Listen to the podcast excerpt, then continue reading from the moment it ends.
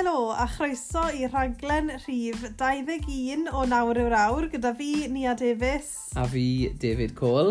I ddechrau da, ni jyst moyn gweud diolch yn fawr i pob un a ddath ar y Zwift Group Ride gyda ni dwe. Um, ni'n recordo hwn ar dydd Sil. Oedd dros 20 o ni wedi seiclo gyda'n gilydd dros Zwift bore dwe a dwi'n credu bod pawb wedi mwynhau.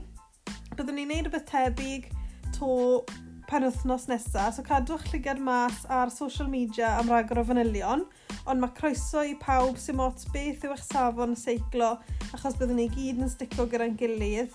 Um, so, dynwch David Cole ar Zwift os ych chi moyn ymuno. Ie, yeah, briliant. So, ar uh, raglen wythnos ma, mae dyn ni seiclwr, ni am. Mm -hmm. Griffith Lewis o Aberystwyth, seiclwr proffesiynol i tîm Ribble. Mae hefyd yn sylwebu ar S4C ac hefyd yn perchenog i caffi griff. So dwi'n edrych mlaen i, i glywed y sgwrs gyda, gyda Griffith.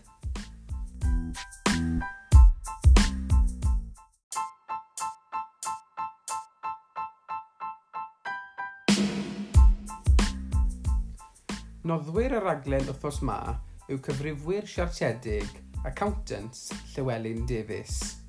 Mae gennynt dau swyddfa dilioli yn Sir Benfro yn Whitland a Doc Penfro a maen nhw'n cynnig gwasanaeth i clients ar ddraws gorllewin Cymru ers dros 80 o flynyddoedd.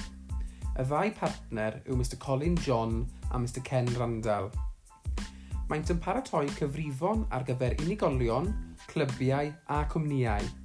Maent hefyd yn archwilwyr helpu gyda'i dechrau cwmnïau newydd fel DC Triathlon, trethu incwm a VAT returns. Allan nhw roi apwyntiad gyntaf am ddim i chi er mwyn i chi cael fwy o wybodaeth a trafod eich anghenion. Allwch ffeindio fwy o wybodaeth am y cwmni ar www.llywelyndavies.co.uk, Facebook ac hefyd Twitter.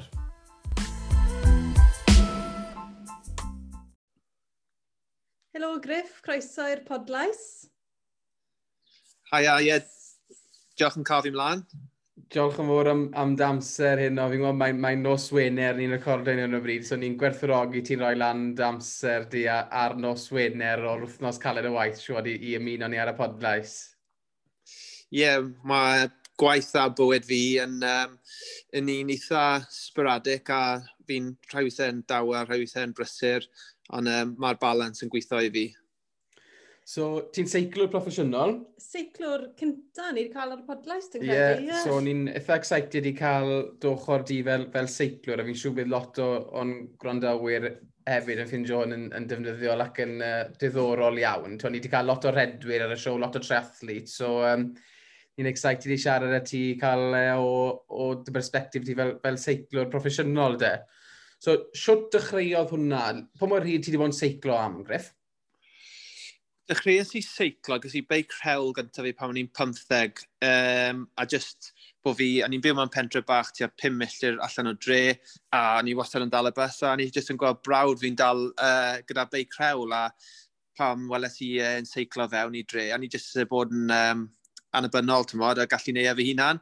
A wedyn o'n ni, oedd er just the thing competitive mae gyda fi wedyn, nes yn mynd yn gloiach a gloiach, a nes i ymuno gyda clwb beicio ystwyth yn mm. Aberystwyth.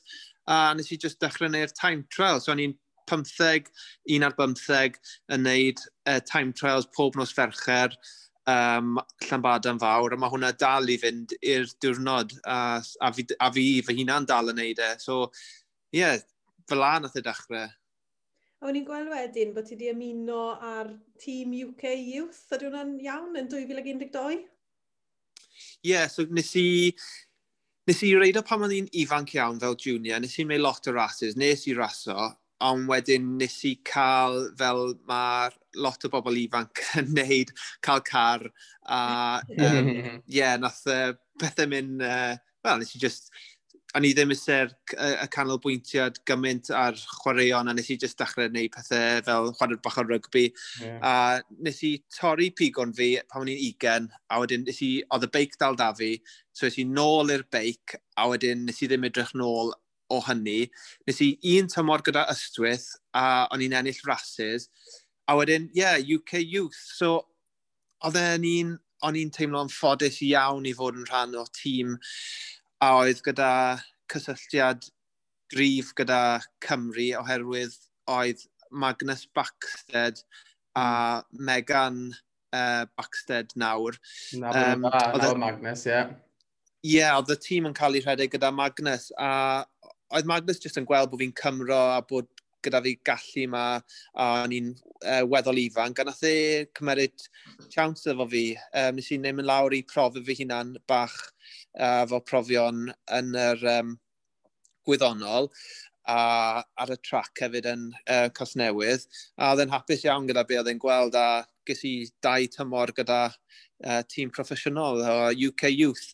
UK Youth, Elysian oedd UK Youth, oedd lot yn meddwl mai tîm sort of Youth UK oedd e, ond dim na oedd e, um, enw'r Elysian oedd UK Youth, a oedd um, reidwyr o pob oedran ar y tîm.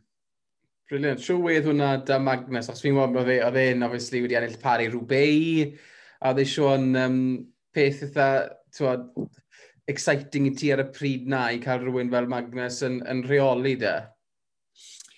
Ie, yeah, achos oedd wastad llyged anon ni, ble bynnag o'n i'n mynd, achos oedd Magnus wedi dod o ennill cymal yn y Tôr de France mm. a hmm. wel wedys di ennill Paris Roubaix. Nath e wedyn ymddeol a hwn oedd y tîm cyntaf iddo fe ddod nôl i ar ôl ymddeol, a oedd e'n oedd e'n newyddion mawr i'r byd seiclo, felly enw bach o'n i, ond neb yn gwybod amdano fi, Griff, ond oedd, oedd y llyged wastad yn gwylio ni yn y rhasys oherwydd oedd Magnus uh, o amgylch. Ond, do, dysgais i lot o Magnus. Um, mae fe wedi dod o'r oesoedd ble oedd old school, fel maen nhw'n galw e. Mm. um, a lot o'r fath o marfen oedd yn neud yn old school, a ie, yeah, mae fe'n ma fe ffyrdd ble mae hanes y camp yn mynd nôl bellffordd nawr, a mae fe'n braf bod fi wedi dysgu'r ffyrdd ni, i fod yn onest, i pasio ymlaen i tîm fy hunan, a falle i mab fi, pwy awyr. y tîm nesaf sydd y fi ar y restr y minus di a falle bod hwn yn anghywir, falle bydd rhywun arall cyn ni, ond y tîm nesaf sydd y fi wedyn yw Medusa Genesis yn 2016. Um, yeah, na, nes i... So, be mae um, Pro Cycling Stats yn neud yw, os mae'r tîm yn professional registered, so mae dati tri reng yn seiclo proffesiynol. Mae gyda ti uh, UCI Continental, Pro Continental a World Tour. A mae gyd o'r rengau yna yn uh, cystadlu mewn rhasys mowr fel Tour of Britain, Tour of Yorkshire, yeah. uh, Tour of France. Um, yeah. Os dyw'r tîm ddim wedi resti lawr fel UCI professional team, mae'r pro cycling stats uh, ddim yn rhoi lawr bod ti yn reidwr proffesiynol, ond mm -hmm. rhwng ni, o'n i gyda dau tîm ble maen nhw'n galw yn British Elite. Um, mm -hmm. Nes i, mynd, nes i reidio gyda Pedal Heaven am dwy flynedd, ond nhw'n tîm uh, fawr o Llundain a reidio i gyda tîm o enw Metal Tech. Um, so, ie, yeah, rhwng y bwlch na, nes i wneud un blwyddyn gyda Metal Tech yn 2013 a dau flynedd gyda Pedal Heaven, a wedyn ges i, ges i arwyddo wedyn gyda Madison Genesis, ie. Yeah. A ges ti tipyn o lwyddiant yn oed yn credu. weles i bod ti wedi ennill ras un diwrnod yn Tunisia. Falle bod ti wedi ennill mwy o na beth o'n i'n gallu gweld ar y, ar y wefan na. Ie, yeah, so mae'r ma wefan na yn, um, yn un, ie, yeah, ble maen nhw dim ond yn edrych ar reidwyr gorau'r byd. Mm -hmm. A mhm. mae unrhyw uh, result dweda, dda ni'n ennill pencampwriaeth Cymru. Uh, mae fe ddim yn hyd yn oed cael ei restru mhm. lawr ar y, ar y wefan a mae fe fel, ie, yeah, mae fe just totally e, elite. Ond on i'n fi'n falch iawn bod fi wedi ennill ras proffesiynol yn fy ngyrfa. Mae fe'n big tick in the box. A ie, yeah, nes i hwnna mas yn, yn Tunisia. Um, oedd hwnna wedyn yn, yn ddiweddar iawn oedd hwnna. Um, mm. 2017. Um, 18? Na, 2018, sorry. Ie, yeah, efo Ribble Pro Cycling. Um, a dwi dal gyda Ribble yn mynd fewn i fy pedwerydd blwyddyn gyda Ribble. Ond os ewn ni nôl i Madison Genesis, ie, yeah, oedd hwnna yn... Ie, yeah, hwnna'n wych. Ges i Roger Hammond yn ffonio fi fyny yn gofyn os bod fi sef bod yn rhan o'r tîm. A falle y tîm fwyaf yn Pryden uh, ar y foment oedd Madison Genesis. Yeah. Um, Madison uh, sydd yn um, dod fewn â Shimano, GoPro, uh, DT Swiss, lot o'r enwau mawr i, i, i Prydain. A wrth gwrs Genesis, uh, y Bakes Genesis, felly Madison Genesis oedd enw'r tîm. A nhw, basically, ni just yn, ni yw noddwyr nhw, a ma, ni fel moving marketing object hmm. on the big screen kind of thing. So, oh, na, twad, ges i, ges i'n halu'n dda, um, oedd e just yn teimlo fel bod fi wir yn proffesiynol achos oedd dim rhai fi edrych am gwaith uh, unrhyw le arall. O'n i gallu just canolbwyntio ar seiclo pan o'n i yn y dwy flynedd na efo Madison Genesis, a e bach o breakthrough oedd. Briliant. So, to gyda hwnna, beth ti'n based yn Aberystwyth nawr, ar yn ardal, le, le wyt ti'n hala'r amser prynu dy griff? O ti'n trefeili lot neu, obviously, ni siarad bod ti ennill ras mas yn Tunisia, oedd y big breakthrough fyna i ti. So, le weti ar, ar amser ni, ti'n modd? Ie, yeah, mae ma lot, fel fi siŵr o ti, David, mod, pan wyt ti'n trefeili bob ma, mae mm. lot o'r um, cyd gweithwyr fi yn dweud, ffordd ti'n ei, e? o'n i'n cael un ras mawr yn Aberystwyth y Tour Series, y Halfords Tour Series, a bydden nhw'n dod fan hyn i Aber, a bydden nhw'n dweud, ffordd, ffordd wyt ti'n neud y siwrne yna pob wythnos? Mae mm. ma fe'n ma fe digon i, digon, dim, digon, ie, yeah, digon i ladd rhywun bron a bod. Mm. Ond, mm. Ma, fel ych chi yn, yn um, Aberteifi fyna, fi, jyst yn caru ble fi'n byw. Fi'n caru bod rownd ffrindiau a teulu, a fi'n credu bod hwnna'n neud fi cael gorau mas o fy hunan uh, pe blaw bod ni wedi symud dweud i dinas be falle byddwn ni ddim wedi bod hapus o fy hunan a ie, yeah, mae hapusrwydd meddyliol yn mor bwysig mm. i um, ymarfer, so nes i wneud, oedd e ddim yn penderfyniad, nes i just, neud, nes i just aros gatra, ie. Yeah. Mm -hmm. So, twod, o ti'n, faint o drofeili o ti'n neud prynu i, i gymaru a nawr, oedd hwnna so, dal obviously, raso, tramor, a falle mynd bant i ymarfer tramor, oedd lot o'n ymlaen dy ti? Ie, yeah, felly pob blwyddyn mae tymor cyffredin um, bod yn beicwr proffesiynol uh, domestic yn Pryden. Bydd y tymor falle yn dechrau yn chwefror, byddai wedi gwario gyd o'r geia gatra, wedyn chwefror byddai chi'n mynd mas, wedyn i, i Sbaen, fyw yn aml yn mynd i Mallorca, Calpe, uh, yeah, llefydd fel na ble mae yna tywydd yn y gea. Dyn ni cael pre-season training camp, a wedyn mis mawrth, dyn ni dechrau rasio wedyn, a bydde fe bron o bod pob penwthnos wedyn, dyn ni'n mynd mas o'r ffin Cymru i Lloegr a milltiroedd a milltiroedd yn y car. Um, yn aml, dyn ni'n mynd draw i Glad Belg, Ffrainc, uh, Iseldiroedd, fi wedi gwneud um, y tor yn Sweden, tor yn Iwerddon, Um, dwi wedi bod i Australia ar y beic, felly, ie, yeah, na'r un o'r pethau o'n i sydd ei pan o'n i'n ifanc, o'n i ddim yn un oedd eithaf seiclo, o'n i jyst yn un oedd eithaf neu chwaraeon yn proffesiynol, a yeah. seiclo o'n i'n gweld bydde, oedd y chance fwyaf gyda fi o wneud rhywbeth yn, yn chwaraeon. Ti'n ti debyg i fi fy nade, Grit, fi'n fi siarad ti fan hyn a fi'n meddwl y byd ti, ie, yeah, fi, fi lle gweld na, fi lle gweld na, fi lle gweld na, gwmwys yn beth y ti felly, fel, fel ti'n mynd, mynd nôl at y pwynt le o ti'n gweud, obviously, o ti'n seiclo lot pan o ti'n ifanc, 15-16, wedyn creiddus ti'r oedran falle 18, le ti falle mewn i chwaraeon eraill fel rygbi, a gwmwyd beth fi, o'n i'n redeg lot pan o'n i'n ifanc, redeg i Welsh Schools, Welsh Athletics, wedyn is i coleg, galed i parhau gyda hwnna, obviously pan ti'n prifysgol, achos o ti falle yn hapus dydy hun yn, cyr, yn, yn, yn neud yr ymarfer, achos mae fel peth eraill yn y bywyd cymdeithasol yn cymeriad droso, A wedyn, obviously, nawr, gyda, gyda trethlon i fi seiclo i ti, mae fe'n mynd â ni lefydd dros, dros y byd i gyd, o said lan i safon ti o beth fod, fod yn ei e fel professional, ond um, mae wedi mynd â fi i, i, i rai o lefydd to, anhygol o graws, ar, ar draws y byd i gyd. Ti'n siarad ti gwledydd na, a'r profiadau mae wedi roi i ti, fi'n siŵr, ti'n modd? Ie, yeah, fi gallu cysylltu da ti yn sicr, um, Dave. A um, mae fe'n odd y status ma o professional, mm. achos fel o'n i'n sôn, 2013-4 a 5, o'n i ar tîm, o'n i dal yn professional, o'n i dal yn reido'n professional, o'n i dal yn cael yn halu i reido beic, ond o'n i ddim ar tîm oedd yn UCI registered, felly o'n i ddim yn cael i i, i, i wybod fel bod fi'n mm. professional, mm. um, i falle rhywun mas o'r gamp, byddai'n edrych fewn.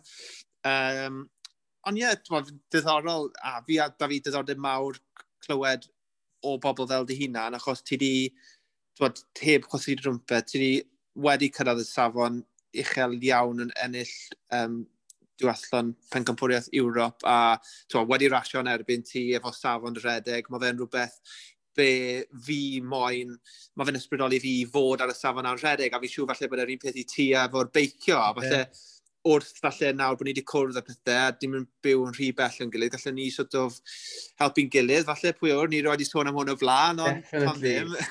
Definitely, um, ti roi Grace yn drad i fi ar y beic.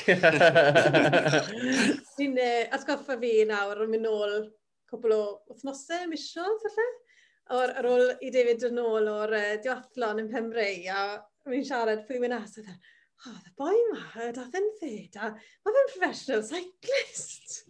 Wel na, gosh, mi'n rhaid i fi yn dal y land yn fi cyn fo hir. Ni'n mynd, achos, ti'n gwybod, a fi'n mynd, ti'n fi a Liam, oedd Liam Lloyd i ennill y ras, a mae fe wedi cyrraedd safon uchel, ti'n bod, yn y byd trethlo na o'n i ofyn sy'n seiclodd seiclo amserau tebyg, a byddwn ni'n usually troi lan i diwethlod a triathlod a bydde'r y beico ni, ti'n modd, lan na gyda'r gyda gore. So, os ni dechrau'r beic, byddwn ni ddim yn disgwyl pobl i ddal lan, ond ni'n troi rownd a gweld yr amserau, e, a ti wedi rhoi mewn i ni just dros 10, 12, 12 milltir ar y beic, o'n i fel, 10 milltir arall, efo ti wedi hedfan heibo'r ddoi yn ni, fi'n meddwl. So, ie, yeah, hwnna rhywbeth falle i'r ddoi yn ni cwrdd lan yn y dyfodol, byw yn, ti'n mor agos, ti'n awr lan yr hewl i'n gilydd, bydde fe nhw'n beth um, allan ni helpu'n gilydd gyda falle fi'n helpu ti bach ar redeg a ti'n um, rhoi cwpl o tips i fi ar y beic. Ie, yeah, mae fe'n fel i rywun ifanc sy'n moyn neu unrhyw beth, os ydych chi wir yn credu yn o'ch hunan bod chi... Dyna, o'n i wastad yn gwybod, dyn ni beth yn dweud e, achos fi'n un o'r pobl yma sy'n sort of action speak louder than words, a o'n i'n gwybod bod e fewn fi i fod yn, rhywbeth, yn seiclwr proffesiynol, ond fydden ni jyst yn neud y gwaith yn, yn dawa bach yn y cefndir a bwrw mlaen.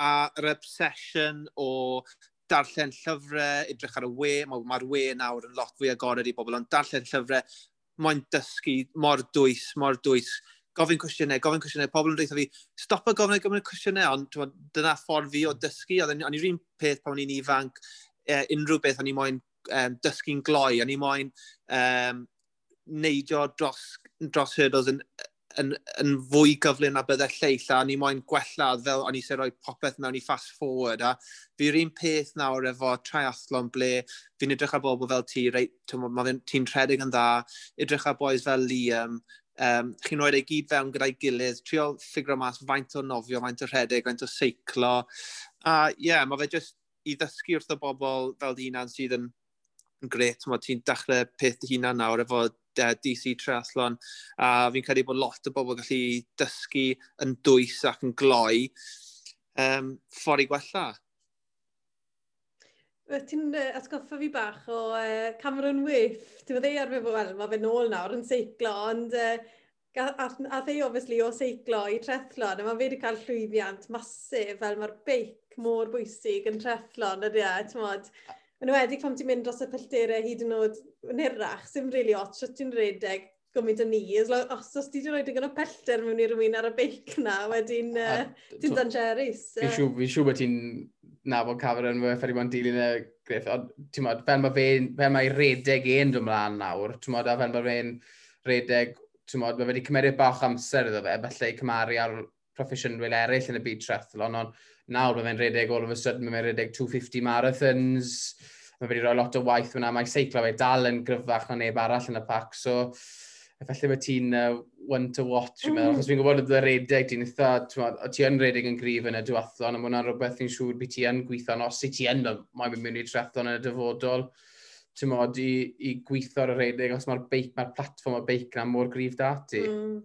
Sut mae'r nofio? I, Ie, yeah, wel, well, os o'n i'n nôl i'r nofio, ie, yeah, wel, nes i wneud uh, yn Aberteifi hunan, oedd gyda chi efo um, Elin Jones yn y stad diwydiannol, gyda chi'r RNLI base, a wel, o'n i'n RNLI lifeguard am pedwar blwyddyn, a'n i'n um, senior lifeguard efo Ceredigion. Felly, o'n i'n gweithio mas o Aberteifi falle, wel, byddech chi'n Ceredigion South, oedden ni'n Ceredigion North, falle o Newci lan, uh, Abers, um, Trisaith, Abersoch, uh, ddim Abersoch, um, Trisaith, um, lan, holl ffordd lan i fan hyn, yn borth.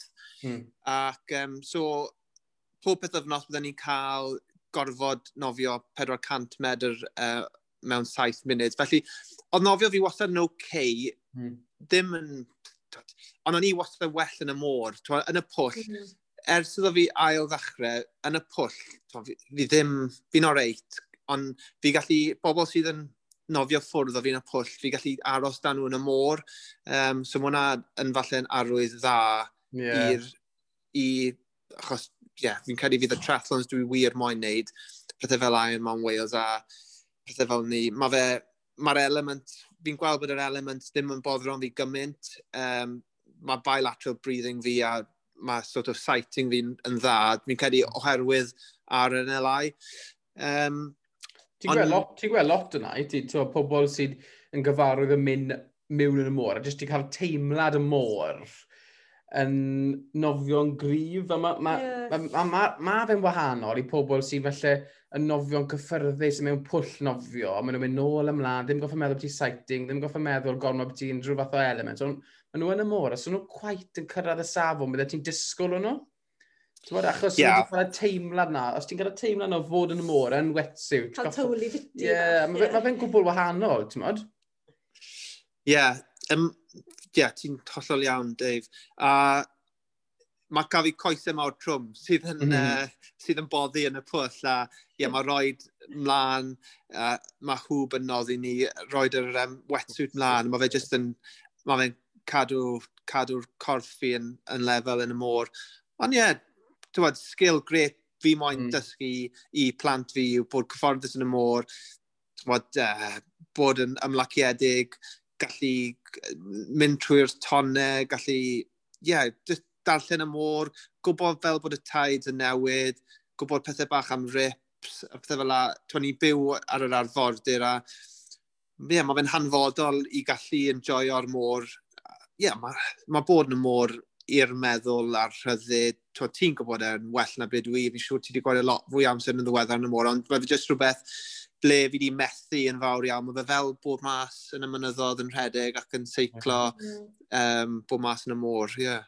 Iawn, ni'n ffodus iawn yn ei fyw, ti'n ni, ni yn ffodus bod ni'n cael, bod, bod, bod, bod y môr da ni, ti'n 5 munud lawr yr hewl, ond um, nôl i, fi moyn, fi moyn, fi'n eitha, mae diddordeb fi glywed fwy wedi tîm Ribble nawr, Griff, a mae hwnna mynd, a, ti'n moyn, siwt dechreuodd pethau da tîm Ribble, a yn fwy na ni, mod, a, pa mor um, specific ma' nhw yn rhoi plan i ti ddilyn a mod, siwrt bod hwnna'n gweithio? Ie, yeah, so nôl i Ribble, um, tymor cyntaf fi gyda Ribble, ges i, nath Madison ddim rhoi contract newydd o fi, a nhw i fod yn onest, yn ei blwyddyn ola nhw, dyw'r tîm nawr ddim yn, yn mynd rhagor. A o'n i newydd cael y mab i gyto, a then panic stations, chwa, fi ddim yn ei chwarae fe lawr, nes i...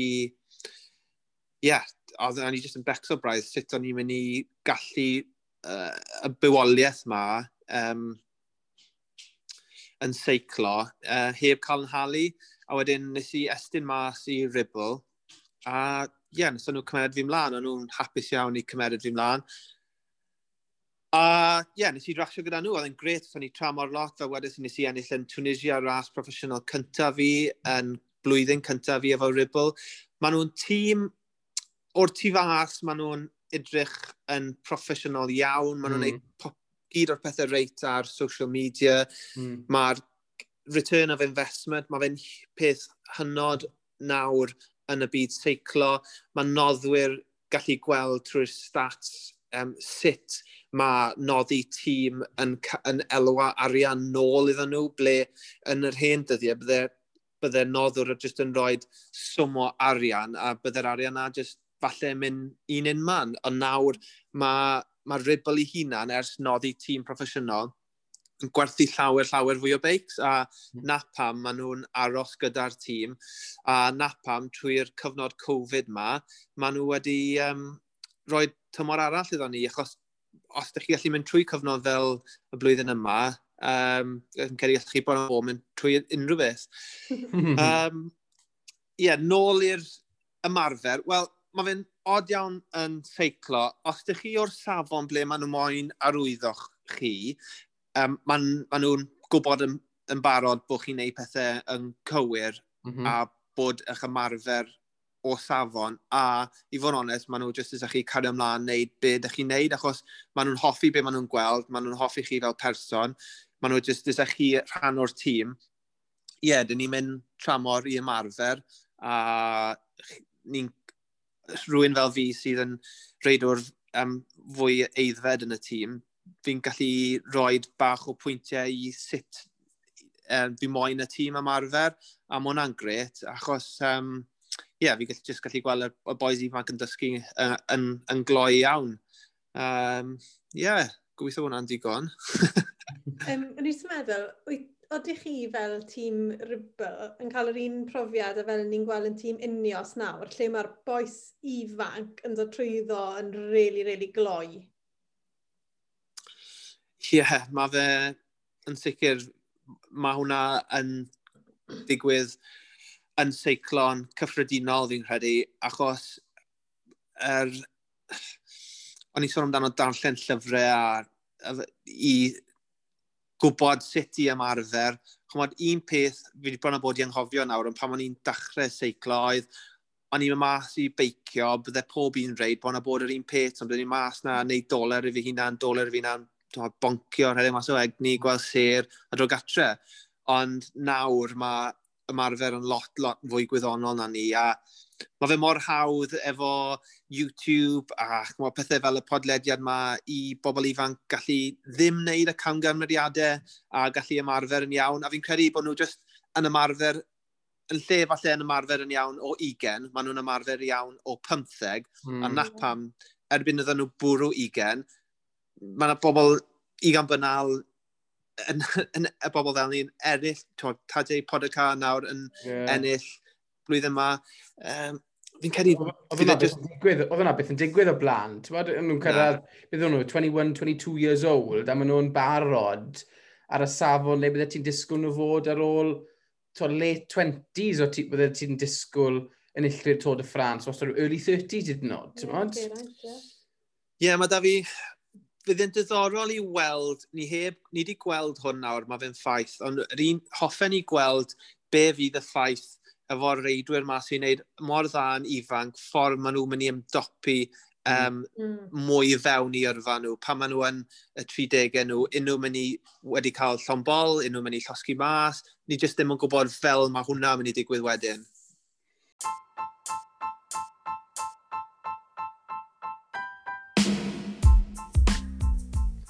Noddwyr y raglen wythnos ma yw cyfrifwyr siartiedig, accountants Llywelyn Davies.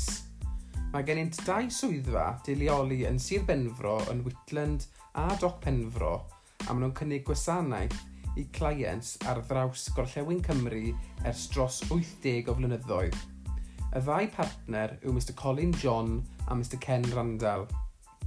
Maent yn paratoi cyfrifon ar gyfer unigolion, clybiau a cwmnïau – maent hefyd yn archwilwyr helpu gyda'i dechrau cwmnïau newydd fel DC Triathlon, trethu incwm a VAT returns. Allan nhw roi y gyntaf am ddim i chi er mwyn i chi cael fwy o wybodaeth a trafod eich anghenion.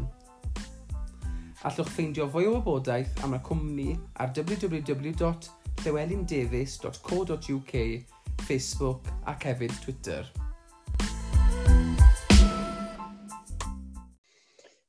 pam sot ti'n seiclo, mae cwpl, wel, ti'n ti, aros ar thema beics trwy'r amser, ond mae cwpl o bethau eraill o yn gwell. Fyd, a un o'r una yw caffi griff. So gweithio ni bach efo ti caffi griff, da? Ie, yeah, na popeth um, digwydd efo yeah, Caffi Griff, pam ges i mab fi gito a o'n i'n gwybod bod rhaid iddo fi wneud bywoliaeth o rhywbeth ond beicio. Fydd y coesau un diwrnod yn o'i fyny ac mae angen i fi cael rhywbeth hir dymor. um, so, o'n i'n meddwl, o Dani y deiliad perffaith fan hyn a lawr star yn neud bod na bod uh, dim byd just storfa oedd e yn yr tabernacle um, yn Talabont. Felly wnaethon ni troi lawr star uh, fewn i caffi a nawr gweithdi beics a wrth gwrs trwy'r cyfnod clo mae'r caffi wedi bod ar gau ond fyddai yn ail agor e a hefyd mae fe wedi datblygu nawr fewn i um, lle ble dwi'n trwsio a gwerthu beics, ie. Yeah. Cwestiwn i fi, siw mae'r coffi dy ti yn y caffi mwy bwysig? Ond mae'r ma, coffi, yn... um, wel, do nes i dysgu ffordd i wneud y coffi'n iawn. Mae ma sawl coffi wedi dod trwyddo'r peiriant uh, ar y foment. Fi'n trial cadw i cwmnioedd Cymreig. um, fi wedi trio teifi, mae hwnna'n gret, ond fi'n hoffi newid ambell gwaith. Yeah. Ac ar y foment, mae da fi um, Cold Town. So, na, mae ma, yeah, ma, yeah. ma pawb yn gwneud coffi mor dda. Mae'r um, ie, yeah, mae hwnna'n ma, ma, ma, ma sgwrs arall. so, os bydde un o'n grandawyr ni yn wylio am beic, pa fath o beic sydd ati yn uh, Caffi Griff? Ti'n gwerthu beic, sut? Ie, yeah, fi'n gwerthu beics. Um, chmod, fi'n hoffi cadw i be dwi'n yn, yn gwybod mwy amdano, falle beicio rhewl a beicio time trial, ond dwi yn gwerthu beicio y beics um, traws hefyd. Ond ie, yeah, beicio rhel, beicio time trial, dwi'n dod ar cwmni BMC, dwi'n um, dealer BMC, ac um, yeah, hwnna oedd y beic cyntaf nes i rioed prynu, oedd BMC, felly um, yeah, jyst yn hoffi'r beic, um, beic dda. Sio ti ti wedi gweld pethau yn y cyfnod clo, yn y cyfnod clo a'r Covid ma, dy, dy gyda'r gyda, gyda busnes y beics? Achos i ti wedi bod yn fwy fysi, achos mae lot o bobl nawr yn moyn dechrau seiclo, moyn bod mas, ddim felly ti'n moyn cadw'n fwy ffit, mae'n mwna i weld yn beth sydd wedi dod trwyddo i fi yn any case. Ie, yeah, mae'r ma cyfnod clo wedi roed fwy o amser i bobl gallu enjoio yeah, just fwy o amser a fi'n gweld bod bobl wedi bod ar beics um, mwy, wedi bod yn rhedeg mwy. Mm. Um, felly, do, fi, fi wedi bod yn brysur um, efo trwsio beics a nath y cyfnod clo mewn ffordd um, neud i fi gorfod meddwl eto allan o'r bocs, wneud coffi, mm. wrth hmm. gwrs, o'n i'n gallu cael gymaint o bobl yn trwyddo'r drws, so yeah, oedd lot o gofyn amdano oedd bobl yn moyn ail atgyfodi beics oedd yn cefn y garage a nes i wneud lot o'r na yn ystod cyfnod clo. Oedd bobl falle byddai'n chwarae pil droed eisiau neu seiclo mm. i wneud yeah. fel pre, gwaith pre-season nhw. Um, felly nes i gwerthu beics ac um, mewn ffordd mae fe wedi bod yn, cyf, yn ystod y cyfnod clo wedi sort of fast forward o be o'n i'n meddwl wneud yn y dyfodol i, i wneud yn syth efo'r beics. So, ni'n gwybod bod ti'n seiclo i, i tîm Ribble yma'r caffi. Mae ma tîm seiclo'r dat i fyd o be fi'n deall, ie? Yeah? So, siwt mae hwnna'n gweithio a siwt mae, siwt hwnna'n mynd y ti? Ie, yeah, mynd yn greit, diolch. Um, dwi'n hyfforddi reidwyr ac ar diwedd tymor mae'r reidwyr ma yn edrych am tîmoedd. A da fi lot o reidwyr ifanc yn dweud, o, oh, Griff, wedi cael ei gadael lawr, mae'r tîm a ddim wedi rhoi lle iddo fi, a fydda'r un arall yn dweud fi'n un peth. A wedyn cyn i fi gwybod o, da fi hanner dwsin o reidwyr o safon heb dîm, a ni'n meddwl, to mae da fi caffi fan hyn, um, da fi bach o enw yn, yn lleol, mm. na i jyst neu fi hunan, na i roi kit iddo nhw, ges i noddwr kit efo ARE, um, Refrigeration Services yn Aberystwyth. Maen nhw'n noddi'r tîm gyda kit, felly mae reidwyr yn cael kit am ddim. Ni'n cael noddi gyda uh, helmets um, a spectol hael. A mae jyst pethau bach fel la. Uh, mm. Mae ma, ma fe'n neud nhw teimlo bach yn special. Ac wrth gwrs maen nhw'n hapus i cael fi ar pob reid gyda nhw a bod yn y rhasys gyda nhw. Ac maen nhw just yn grŵp o boys, mae un ar ddeg o nhw ar y tîm, ac maen nhw just gyd yn Cymru Cymraeg, ac ie, um, yeah, mae fe just yn briliant.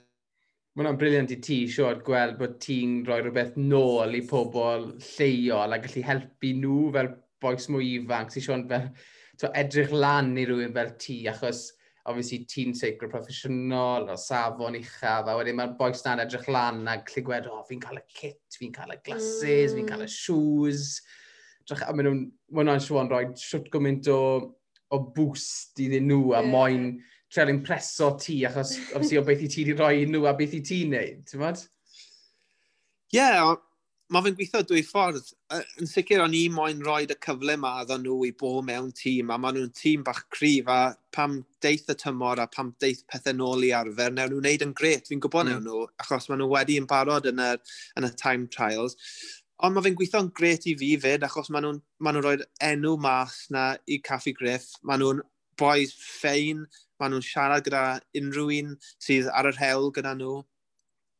Ac, um, yeah, mae fe jyst yn pleser cael nhw ar y tîm. Ie, yeah, maen nhw'n yn uh, ymestyn i coesau nhw i curo fi cwpl o copa uh, lleol ac falle yn curo fi cwpl o sprints uh, 30 mile per hour signs. so mae'n rhaid fi... Uh, cadw llygad. Pa maen nhw'n cyrraedd ambell i fel hill segment, maen nhw'n gweud, reit, pwy sy'n mynd i mynd lan fan hyn gyflyma nawr, a maen nhw'n gweld ei siawns yn mynd, dwi'n siŵr.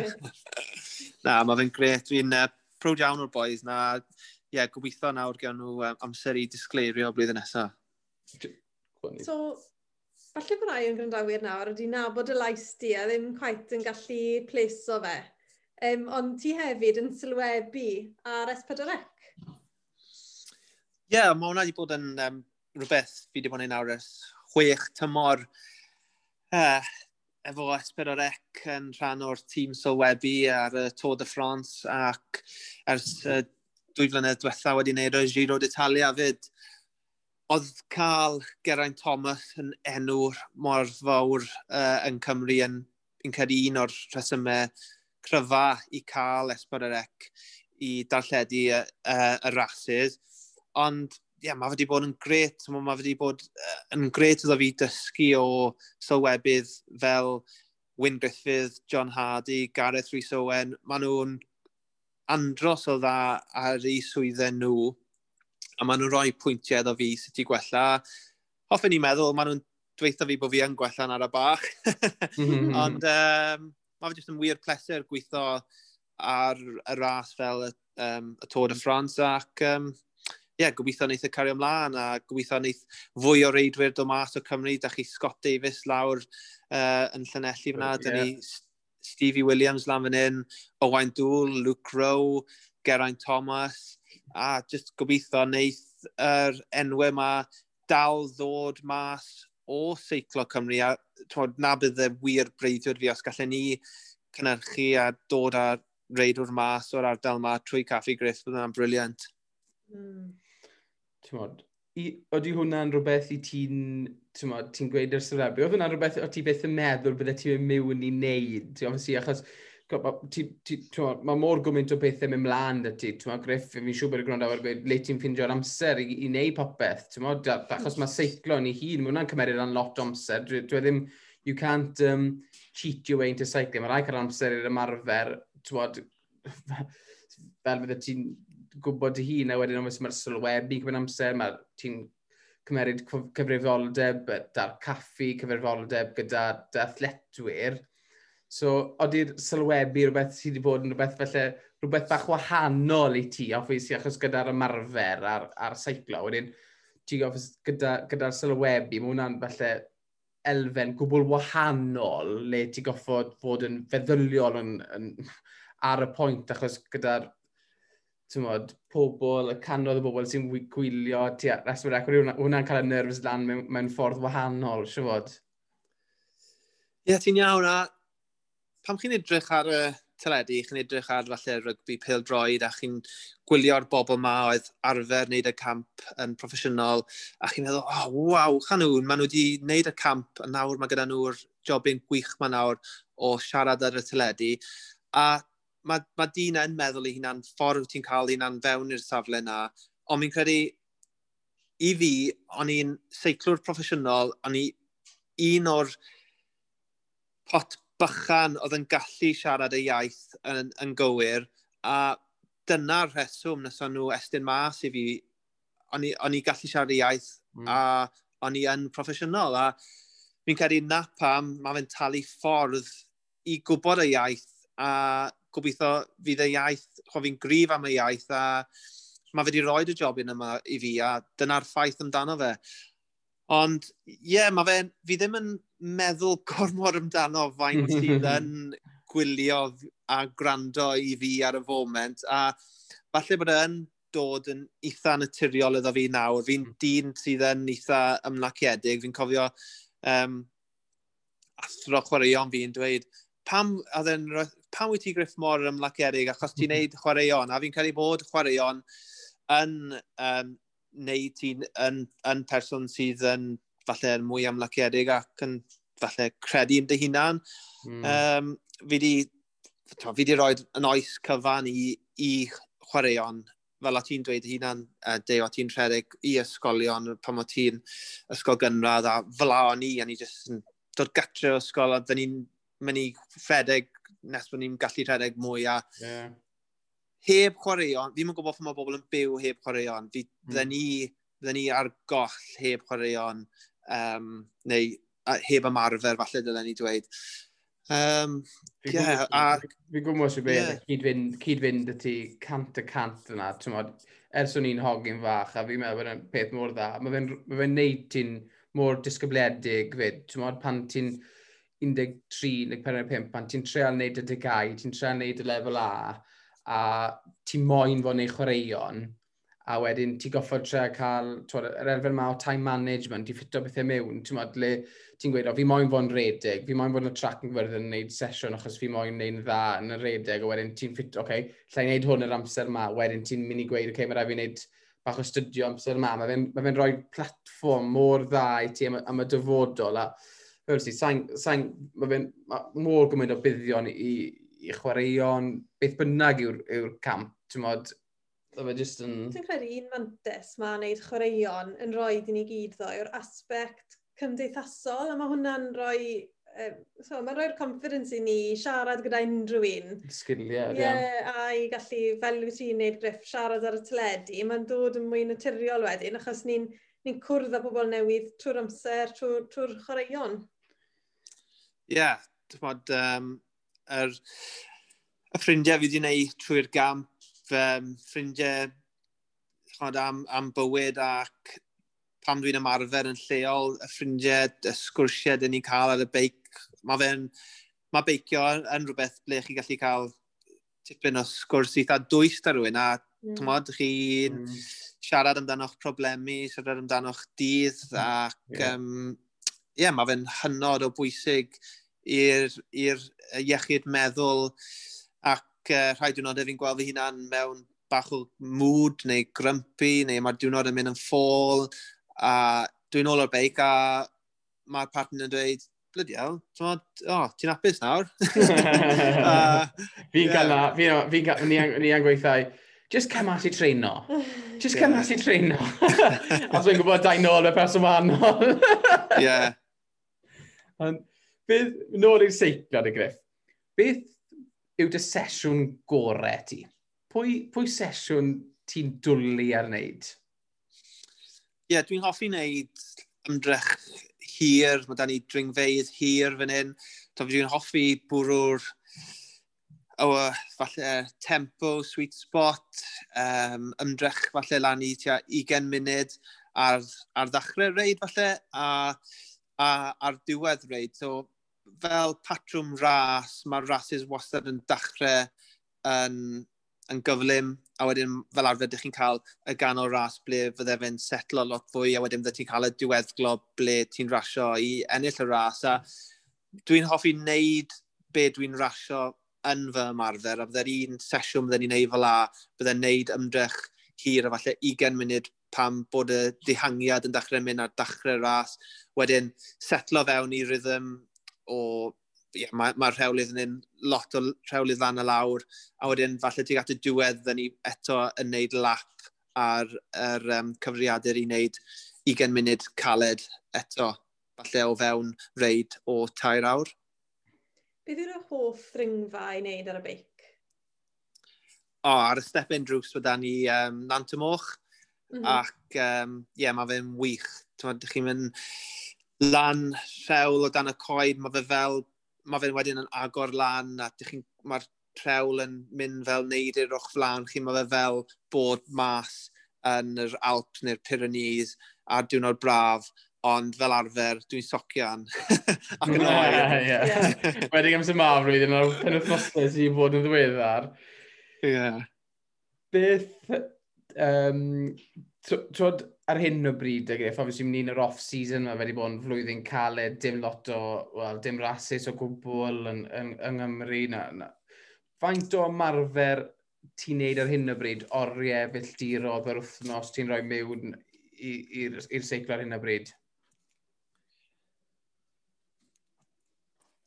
Ar hyn o bryd, dwi'n neud y fath yn ymarfer ble mae'r curiad calon yn lot fwy isel na beth ni'n neud yn y tymor. Fi'n nawr ar falle'r yn y beis, uh, ble maen nhw'n galw'n beis ers blynyddoedd, o wneud y milltiroedd fwy hawdd.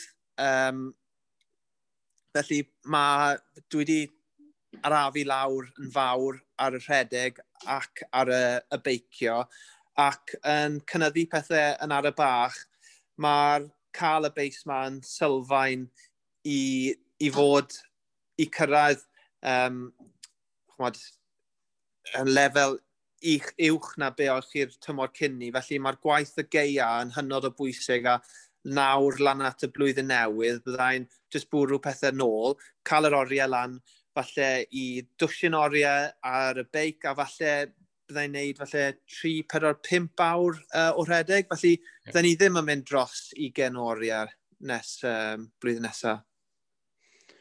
Mae wedi bod yn uh, diddorol iawn. Mm, Sai... dysgu lot. Fi wedi bod yn uh, briliant sgwrs o'r adigaf. Mae tri cwestiwn dyn ni. Ni'n joio gofyn i'n gwrandawyr i gyd. Mae'n um, gwestai i gyd. Gwestai i gyd, sori. fi wedi gwestiwn am yna. Ti'n ni'n dechrau ni off? Ie, yeah, so'r cwestiwn gynta. Os bydd rhaid ti'n mynd nôl a wneud un ras to, naill lle achos bod ti ddim yn hapus dros y rathau, e, neu achos bod ti jyst wedi joio fe sio gwmynt, pwy ras fydde ti'n mynd nôl a wneud to?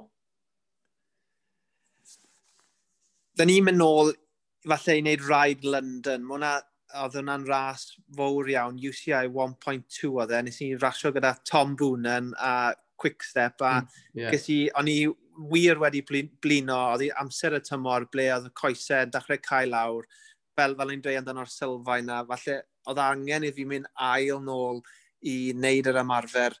Ond ie, yeah, so nes i rasio hwnna fo coesau gwal, ond nes i wir, wir joio wneud uh, y rhaid London. Yeah. A oes ras fas na ti heb wneud, really licet ti wneud, beth sydd ar y bucket list?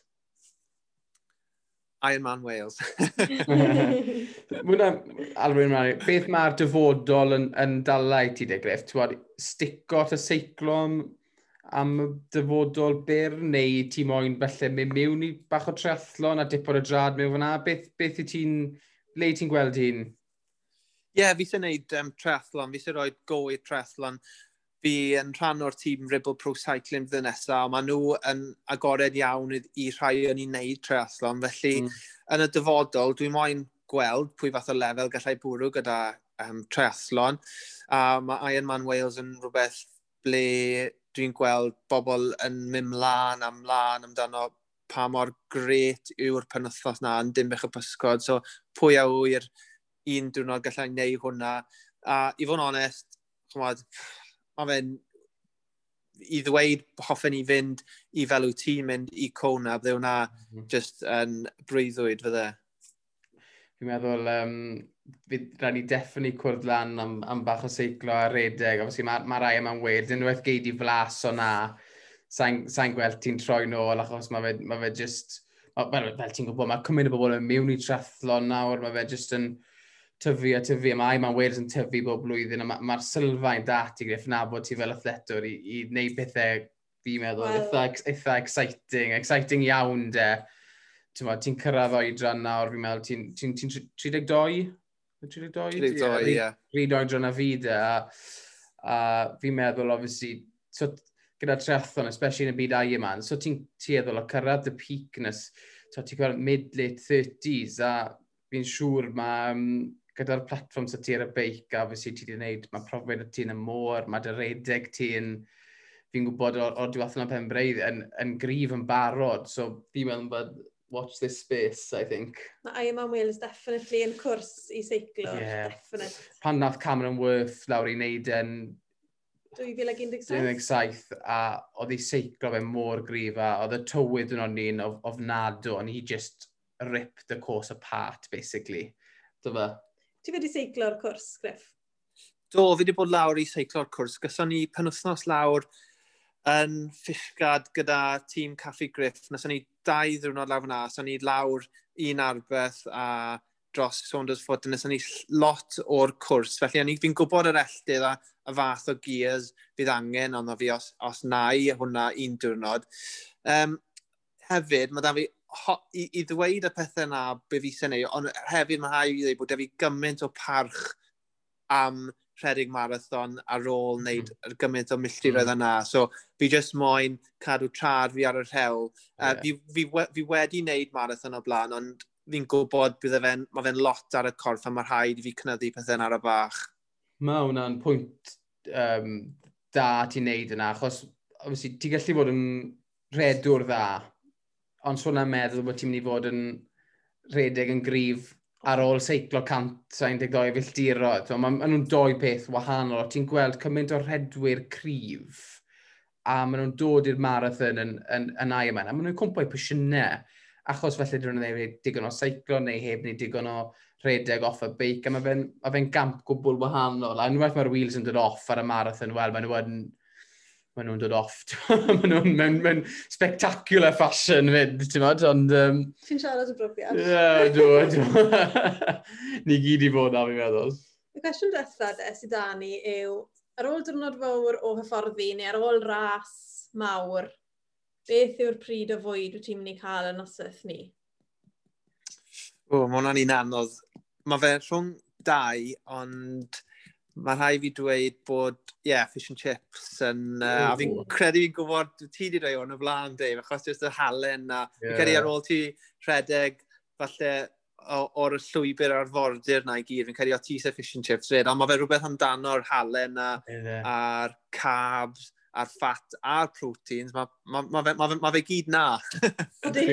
a mae fe'n fein. Ti'n ffili bita fish and chips. Nes i'r llwybr ar ffordd o dyr, eisi o Aberteifi ddiweddar, fel fe nes ti fel lan i, lan i Ennis Las a dwrnod di nes i o Aberteifi, Abereiron, ti a 32 filltirodd a creiddau sy'n na straight mewn i'r Celtic am fish and chips ar ôl benni, oedd e'n, a bwr oedd e'n man iawn straight away, ti'n fod? Fi'n cytuno. Hei, diolch i ti am amser. Na, diolch i chi, pleser, chmod, fi'n, mae fe'n gret i cael podlediad sydd gobeithio mynd i tyfu a tyfu ac um, mae wedi bod yn hawdd iawn siarad â chi a just diolch yn cael fi ymlaen. Um, fi'n fi caru Aberteifi, fi'n caru rhai o'ch noddwyr chi efo um, crwst, fi'n offi mynd i'r caffi fyna pan fi lawr, so fi rhaid fydd o lawr. Ie, yeah, diolch am um, sôn amdano ni ar y rhaglen y giro cwbl o thros yn ôl. Fyd, gatho ni, oedd y ddoi o'n i'n gwaith y dynod na, So, ma'n ni ddim yn watcho, ond gatho ni sawl person yn hala neges ato ni'n gweud, maen nhw jyst wedi bod yn siarad, ydych chi? so, diolch am na fyd. Do, oedd hwnna'n uh, wario teg i ti, o'n i'n uh, diolch garo halau sy'n neges trwy ni a e straight away yn gweud, o, oh, ni, ni, ni newid cael mention ar Esbar o'r Ecar, ar y giro, mae ma, made it. ma Griff newid hala'r um, bod yn siarad. Trenny wedi ddim yn getrau'n gwylio, yeah. ond uh, oedd y ddoi ni'n gwaith, ond oedd hwnna'n briliant. Diolch yn fawr i ti. A'n pleser, mae mor hawdd yn yw e i helpu bobl sydd yn trio gwneud rhywbeth uh, e, gret, just wrth, wrth, wrth wneud rhywbeth fel la, chod, oedd maen nhw'n yeah, mor agored i, i cymeryd pethau fel la ymlaen efo S4C, so um, os dim rhaid chi diolch i fi o gwbl, diolch i chi am diolch i chi am wneud y podlediau yma. Oeddwn ni gallu clywed efo rhai o'r enwau gret. Mae chwb wedi gwrando nôl efo'r Lowry Morgan, Shane Williams. Mae fe jyst, chi'n cael gwybod nhw mwy fel, fel, fel pobl. Ie, yeah, mae fe, ma fe, ni wedi dysgu lot a mae'n bod yn pobl diddorol iawn. A, ma, mynd nôl i siarad beth i fel y sien a'r, ar rwdfrydedd a'r enthusiasm. Mae fe, ma ma fe just moyn, mae fe mor ffocws nawr a tretha. Mae fe mor mae'n wych i weld. Mae bod rhywun sydd wedi bod yn neud mor dda, chydig o'r gorau'r byd yn, yn, yn rygbi. A nawr mae fe just mae fe moyn, mae fe moyn mynd i cwna de, basically, fel, fel triathlete, ti'n modd, sy'n sy, ffantastig, he's head over heels for it. Ei, falle welwn ni ti mewn triathlon gymho hir yna, fydd y cyfnod clo yma o'r benni. A fi, pryd ti'n gobeithio agor y caffi gift, ti'n modd, oeddi hwnna, Oeddi hwnna rhywbeth ti'n gobeithio agor lenni, neu falle blwyddyn nesaf fydd e yna o'r os dyddiad y ti, ni cael gwrandawyr falle galw mewn os maen nhw'n mynd i fod mas yn seiclo? Wel, mae ma, ma popeth yn baron mae i agor, ond fi moyn bod e'n yn saff i pawb i ddod, felly dwi am dilyn beth bynnag mae'r um, mae'r rheolau cyfnod clo yma, ond fydd y caffi yn agor y blwyddyn yma os bod popeth um, yn galluogi fi wneud ni. Felly, um, os allwch chi just cadw llygad falle ar um, caffi griff, yeah. ac um, yeah, fydd newyddion yn dod yn fuan iawn briliant a galw ni lan definitely. Felly byddwn ni'n mynd lan yn car, sa'n ffansio seiclo fel y wei lan. Seiclo lan, felly. I, i treial y coffi mae fe. Ie iawn, cwrdd o'i Hei, diolch. Diolch am dy amser, Griff. Thank you. Pleser mawr.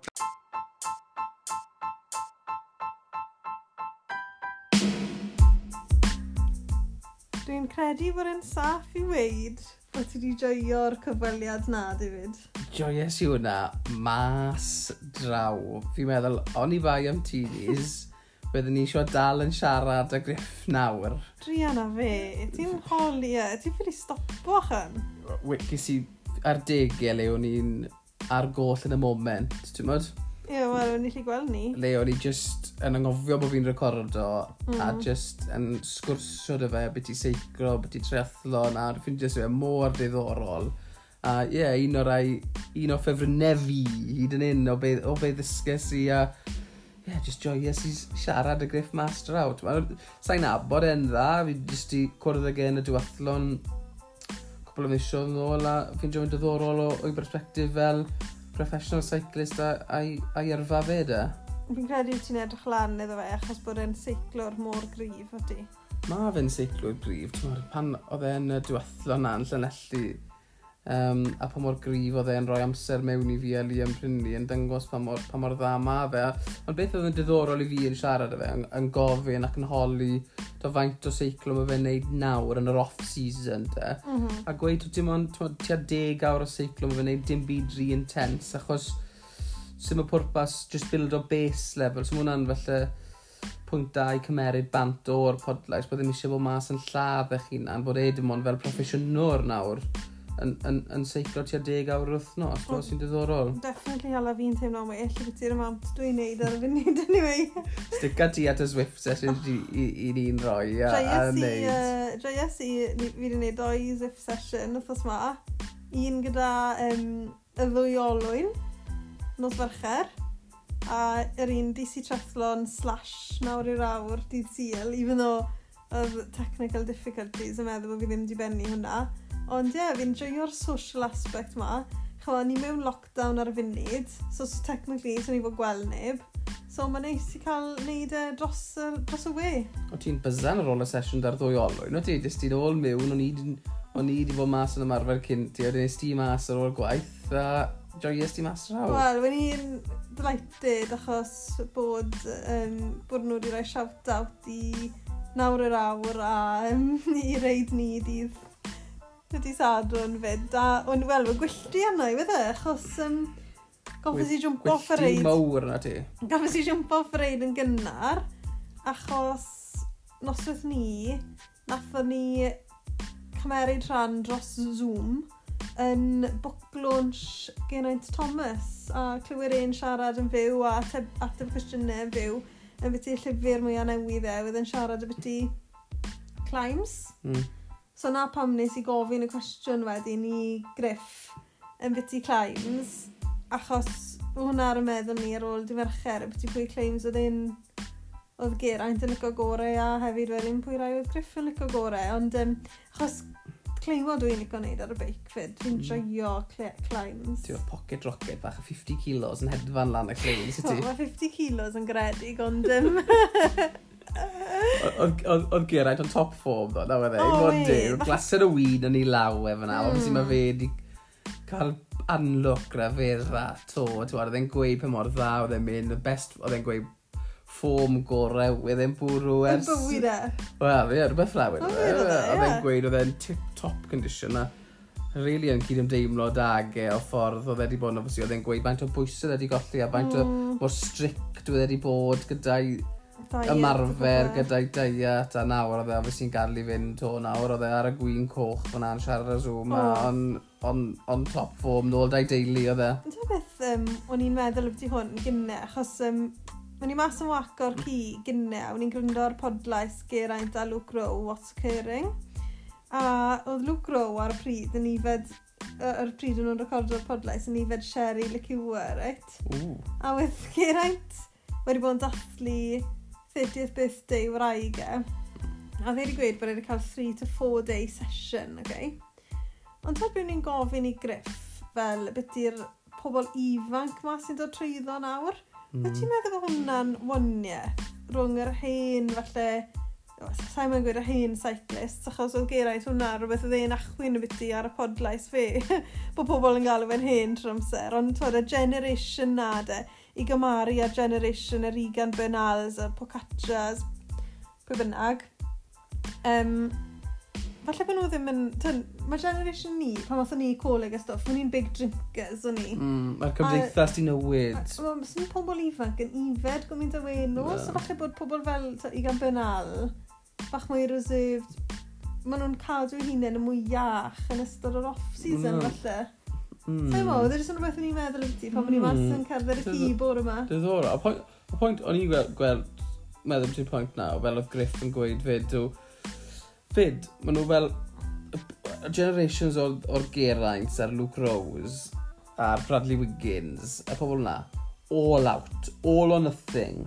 Pob training session pan rhwng ti fi lan, all out Ti'n ti lle tybio Geraint pan mae fe mynd fel mae'n siarad beth ti pan mae fi wedi, all out. Mm. Dwi, dwi e- e ddim, sim half measures, dygu, fel mae'n siarad, tymod? Os mae'n neud rhywbeth, mae'n neud it to the max, ffordd i'n teimlo fel, tymod? yeah. A, fel, gyda fel y boes ifanc ma, y griff yn twtio'r hwnna, mm. maen nhw'n very intelligent o siwt maen nhw fel yn ymarfer o'r roedran 13, 14, 15. Dwi'n nhw ddim yn gwneud popeth fel mae sport science wedi newid yeah. a ddim neud popeth mor galed trwy'r amser. Mae'r pobl ifanc jyst wedi cael well head start. Achos even fel darllen llyfr rhywun fel Geraint Thomas a fe'n gweud, a, a Griff yn gweud yn peth, pan oedd e'n seiclo i dachrau da, oedd e jyst yn mynd mas, mynd mor galed wyt ti gallu, mm. mynd mwy bell na dylai ti fo wedi ar bwyd wedi dati, yeah, wedi dati bonco, yeah benni dinan off a crolan gytre, basically. Ond... Wna mynd nôl i'r un peth, pan o'n ni'n redeg, pan o'n ni'n 14-15, oedd pob interval session yn galed, oedd pob long run yn galed. A nawr oedd pobl yn cael y gwybodaeth, yw, sy'n mi eisiau ti'n neud yr, ti'n modd, y runs yn ei I mean, fi'n gwybod sa'n big, big athlete, right, okay. Ond fi'n lli gweld, fi'n meddwl am yn unan, fel rhyw fath o fel younger generation yn trethlon, achos fi wedi dod mewn iddo fe yn lot yn hwyrach na ti. Mm.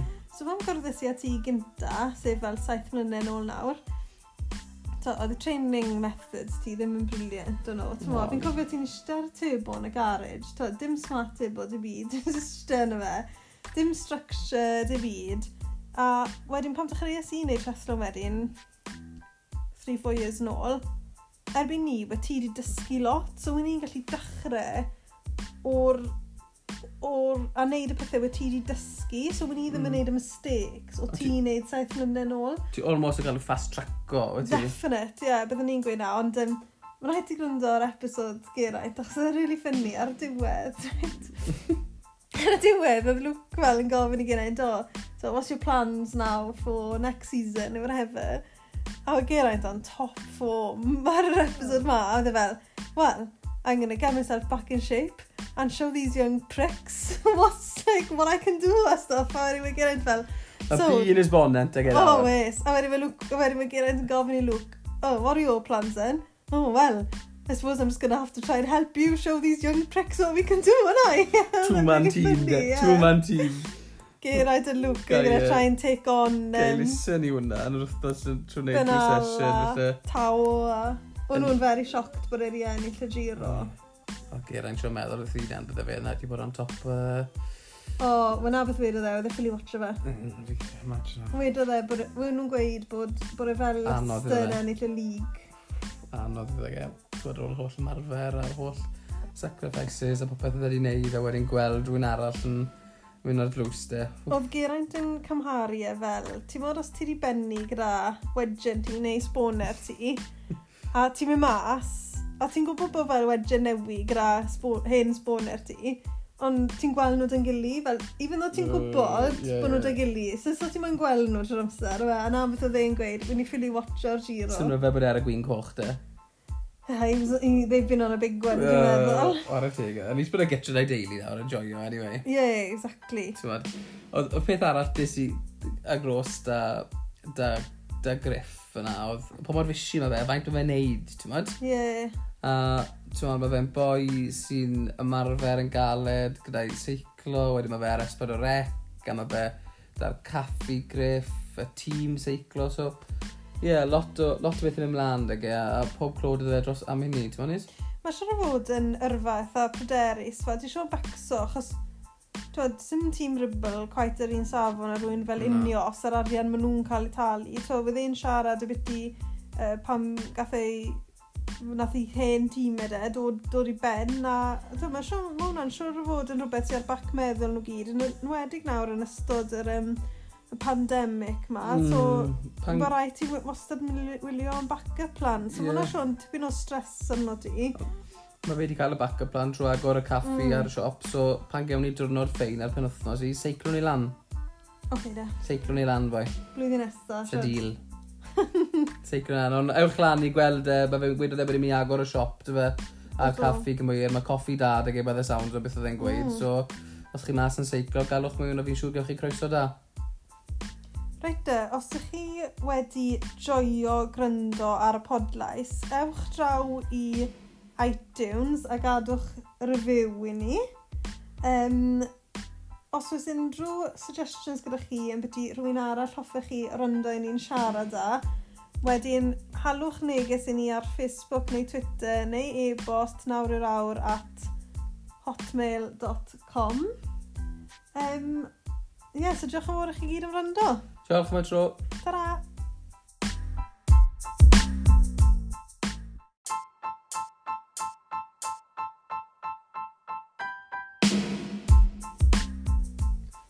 Noddwyr y raglen wrthos ma yw cyfrifwyr siartiedig, accountants Llywelyn Davies. Mae gennynt dau swyddfa dilioli yn Sir Benfro yn Whitland a Doc Penfro a maen nhw'n cynnig gwasanaeth i clients ar draws gorllewin Cymru ers dros 80 o flynyddoedd. Y ddau partner yw Mr Colin John a Mr Ken Randall. Maent yn paratoi cyfrifon ar gyfer unigolion, clybiau a cwmnïau.